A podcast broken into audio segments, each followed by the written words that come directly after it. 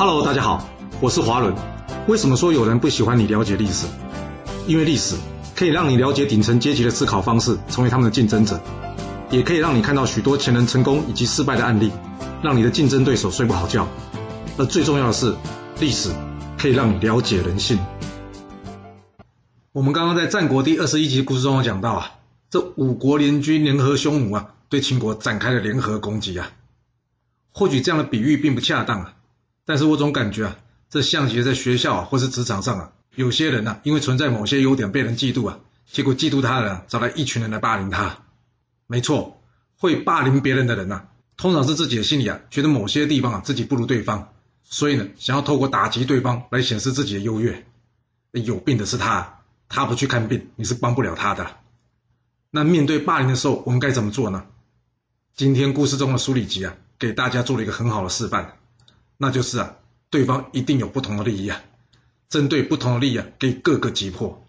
不过要想这么做呢，平常就必须留意大家的需求。那很多人呢，都是专心工作、认真读书啊，哪里有时间去管其他同学或者同事一举一动啊？所以，想像苏里吉这样各个击破对手啊，的确是有点难。而且啊，这群人平常早就结党结派在一起了，也不是这么容易找到机会各个击破的。要是不能各个击破怎么办呢？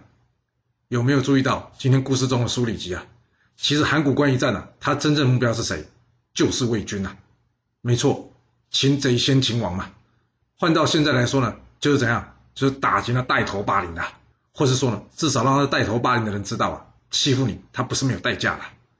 这点非常重要啊！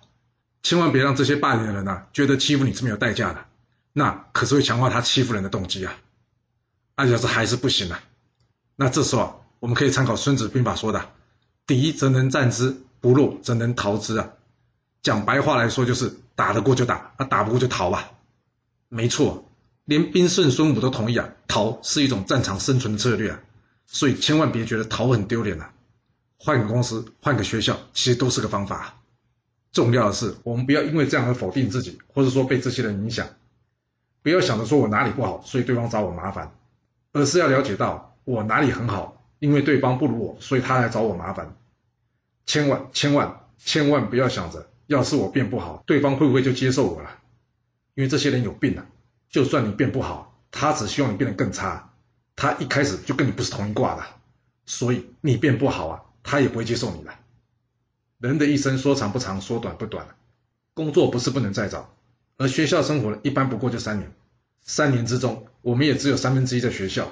换句话来说，不过就是一年的生活。好了，就让东加西添的把它算成两年吧。以一个人平均寿命呢会超过七十岁来算，扣掉我们太老太小不算了，就算五十年好了。这个影响还不到百分之五，有必要为这百分之五的不顺利来影响我们百分之九十五的人生吗？当然了，我们都知道，在面对霸凌的当下，一定会很不舒服啊，因为我们整个人呢被包围在那环境之中。尤其是现在教育啊，主要着重在学科教育，让我们除了补习班以外，很难有其他机会啊认识不同的人群。而工作之余呢，通常也很少有机会认识别的人。这时候除了家人的支持体谅以外啊，好像是不容易得到外援的。不过啊，或许我们可以转个念想一想，对方之所以打击你啊，就是因为希望你变差。